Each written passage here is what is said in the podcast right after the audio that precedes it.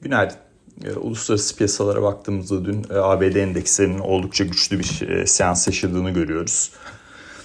Burada tabii alımların ağırlıklı olarak teknoloji hisselerinden geldiğini görüyoruz. S&P 500 de günü %1'in üzerinde sonlandırdı. Bu olumlu havanın ana nedeni tahvil, dün konuştuğumuz gibi tahvil getirilerindeki gerilemenin devamı. İşte ABD 10 yıllıkları 2.70 e, seviyesinin şu anda altında 2.68'de e, işlem görüyor. E, burada açıkçası gerilemenin 2.56 seviyesine doğru önümüzdeki zamanlarda yaşanabileceğini de düşünüyorum. Bunun da ana nedeni bu hafta açıklanan tüfe verilerinde işte çekirdeğin de çekirdek rakamda bir tavan olma ihtimali ve bundan sonra işte en kötüsü geride kaldı e, ABD enflasyonda şeklinde bir e, düşünce e, olduğunu olduğunu söyleyebilirim. Tabii bu enflasyon rakamları çok hızlı bir şekilde gerilemeyecek ama en azından tavanı görmemiz bile oldukça pozitif bir durum yaratacaktır. Çünkü piyasa işte Fed'in şahinliği konusunda ki fiyatlamalarında daha da şahin olmayacak bir noktaya doğru e, fiyatlamalarını önümüzdeki dönemde yapacaktır. Ki keza bunun e, bir örneğini de dün yaşadık. E, 2022 yılının sonunda Aralık ayındaki e, beklenen e, piyasa fiyatlamasıyla yapılan beklenen politika e, faizi e, 2.36 seviyesinde e, bu hafta başında 2.60'lardaydı. E, demek oluyor ki e, piyasa artık FED'den 3 toplantıda 50 bas puan değil 2 e, toplantıda 50 bas puan e, yapmasını e, bekliyor. Şimdi bu e, işte hem ABD 2 yıllıklarında hem ABD 10 yıllıklarındaki gerilemeler tabii ki riskli varlıklara olumlu yansıyor. Yani bugün tekrardan bir S&P 500'de 4494 seviyesinin üzerine çıkıp çıkmayacağımızı takip edeceğim. E, bu seviyenin üzerine atabilirsek e, oldukça pozitif olacaktır. E, bunu niye bugün diye söylüyorum. Yarın piyasalar kapalı olacak arkadaşlar. Hem spot hisse hem de tahvil piyasası kapalı olacak ABD'de. Dolayısıyla bugün haftanın son günü özünde. Dün JP Morgan bilançosunu açıkladı.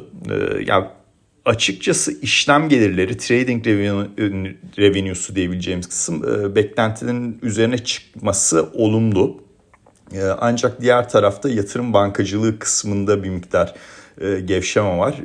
Bu da normal çünkü biliyorsunuz ilk çeyrek hem halka arzlar hem şirket birleşme devralmaları hem de borç senetleri e, çıkarımlarını da baktığımızda e, oldukça kötü bir e, çeyrekti. JP Morgan özelinde biraz daha Rusya ile olan ilişkisinden ötürü bir miktar satış yediğini söyleyebilirim. Yani uzun vadede işte 1 milyon 1 milyar dolarlık bir kayıp yaşayabileceğini belirtiyor. Ee, ama genel olarak görünüme baktığımda işte e, Sion'un yorumlarına da baktığımda ABD tüketicisiyle ilgili ve ABD ekonomisiyle ilgili e, olumlu bir e, resim çiziyor. E, bu değerli bir e, bilgi. E, demek oluyor ki bugün açıklanacak örnek veriyorum işte Michigan Üniversitesi e, güven endeksinde, e, tüketici güven endeksinde artık e, yavaş yavaş burada da bir taban görebileceğimiz söz konusu olur. Dolayısıyla enflasyonda, çekirdek enflasyonda tavan işte görülmesi, tüketici güveninde de taban görülmesi önümüzdeki zamanlarda daha böyle tüketici güveninin artması, tüketici kredilerinin artması ve harcamaların artmasıyla beraber e, ekonomiye katkısı e, daha çok olurken diğer taraftan e, enflasyon tarafında bir gerileme e, noktasına girilmesi e, Fed'in daha da çok şahinleşmemesiyle e, işte e, getirilerde e, rahatlamaya sebep olacaktır. Bu ikisini yan yana koyarsanız bir de üzerine işte e, bilanço sezonunu e, iyi bir şekilde e, tamamlama olasılığını e, koyarsanız bu riskli varlıklar için e, oldukça olumlu bir fiyatlama olacaktır. Burada işte S&P 500'de ben açıkçası hala hala olum, olumlu duruşumu koruyorum. Dün de güzel bir dipten alım yapıldığı, fiyatlaması yapıldığını düşünüyorum. Şimdi şöyle e, hızlıca bir dünden e, bahsetmek istediğim bir diğer konu e, petrol e, tarafı. Petrol stokları beklentilerin çok üzerinde geldi. E, yani e, biri bekleniyorsa 9 açıklandı öyle söyleyeyim size.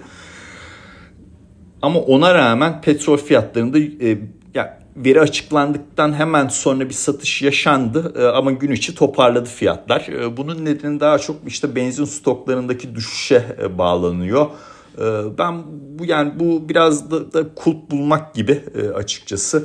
Ee, eğer petrol stoklarındaki yükseliş bu şekilde önümüzdeki haftalarda devam ederse e, genel olarak pozisyonlanmalara da baktığımızda petrol tarafında e, işte short taraf artık işte Şubat ayı diplerinden yavaş yavaş uzaklaşıyor. Bu ne demek? Yani short pozisyonlar artıyor.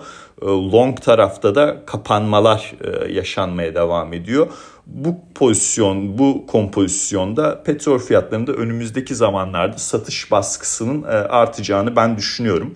WTI'da işte 100 dolar desteğini takip ediyorum. Bu seviyenin altına geçiş işte 92-94 bandına doğru bir hareketlilik tekrardan yaratacağını düşünüyorum. Ee, bugün ne geçersek e, Avrupa tarafında işte Avrupa Merkez Bankası faiz kararı gelecek. Bu faiz kararının e, ya bu faiz kararında bir değişiklik yapmayacak zaten. Orada herhangi bir e, beklenti söz konusu değil. Ama işte biliyorsunuz Avrupa Merkez Bankası normal varlık alım programına yani pandemi sonrası acil olan değil normal varlık alım programına devam ediyor. Ee, bu programın e, bitişi tarihiyle ilgili e, bir şey girerse eğer e, açıklamaya ya da işte Lagarde, Başkan Lagarde bu konu hakkında daha şahin bir açıklamayla karşımıza gelirse ki ben açıkçası öyle olacağını düşünüyorum. Yani genel olarak bütün merkez bankalarının işte Batı dünyasındaki merkez bankalarının gelişmiş ülkelerdeki merkez bankalarının trendine baktığımızda e, daha şahinleşen e, bir yapı var. E, FED konusunda daha rahat olmamın sebebi piyasa, piyasa fiyatlaması bu şahinleşmeden çok önce başladı. Ama Avrupa tarafında durum öyle pek değil.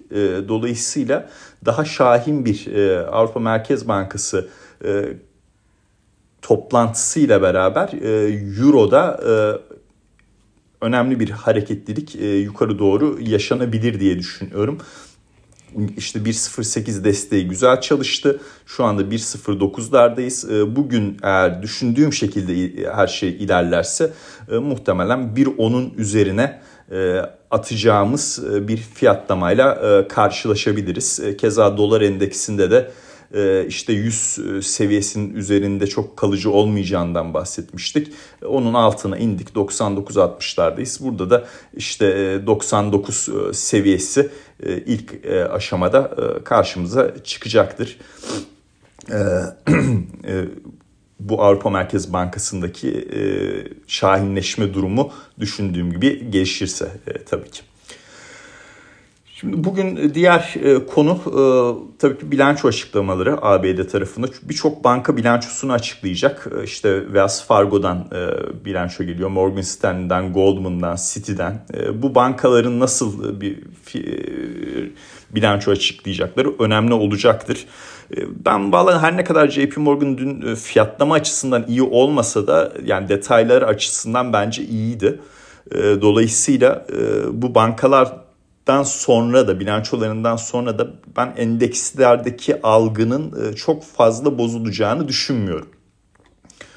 E, burada biliyorsunuz yani daha önceden de paylaşmıştım işte e, Goldman Sachs al Bank of America sat trade'im vardı.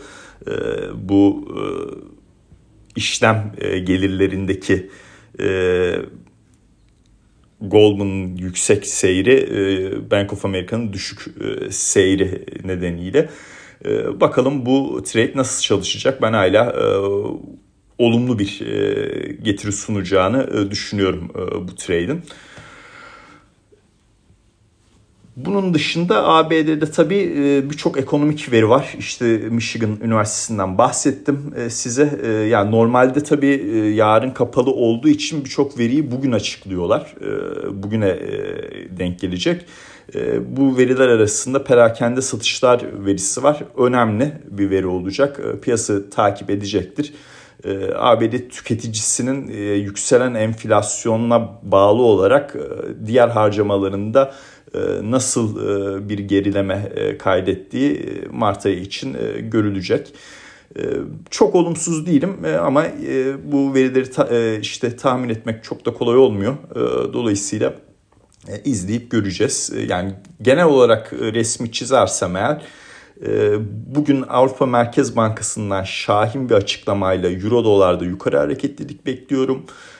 ABD tüketici güveninde, Michigan Üniversitesi tüketici güveninde bir taban oluşumu e, göreceğimizi düşündüğümden ötürü e, ve bilanço açıklamalarında e, çok kötü bir tabloyla karşılaşmayacağımızı düşündüğümden ötürü endekslerde olumlu bir fiyatlama bekliyorum. Petrol tarafında dünkü petrol stokları verisinden sonra işte ilerleyen dönemlerde WTI'de 100 doların altına düşeceğimiz ve 92-94 bandına doğru bir hareketlilik e, yaşanabileceğini düşünüyorum.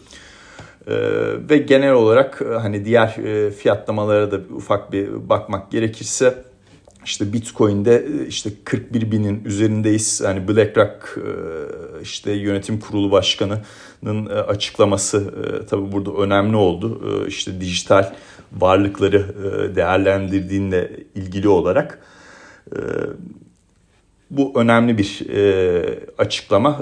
Dün Bitcoin'e de bu alım getirdi. Eğer bugün işte 42 binlerin üzerine atabilirsek tekrardan bir 48 bin denemesi yaşanabilir bu tarafta.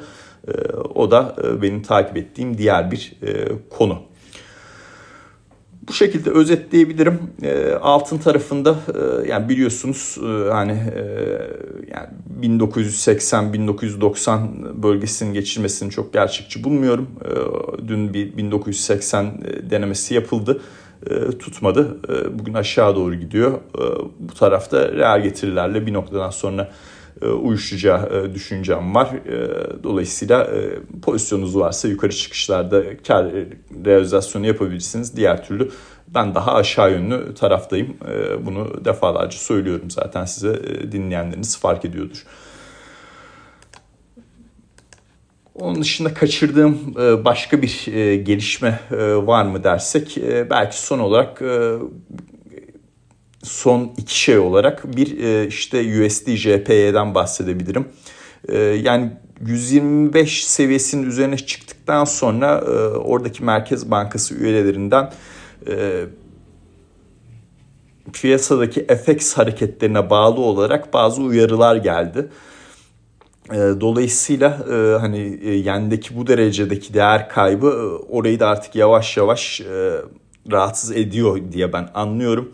E, bu verim eğrisi kontrolünde e, global faiz hatleri bu kadar çok e, yükselirken onun işte o 0-0-10'luk bandı ne kadar koruyabileceği söz konusu olacaktır.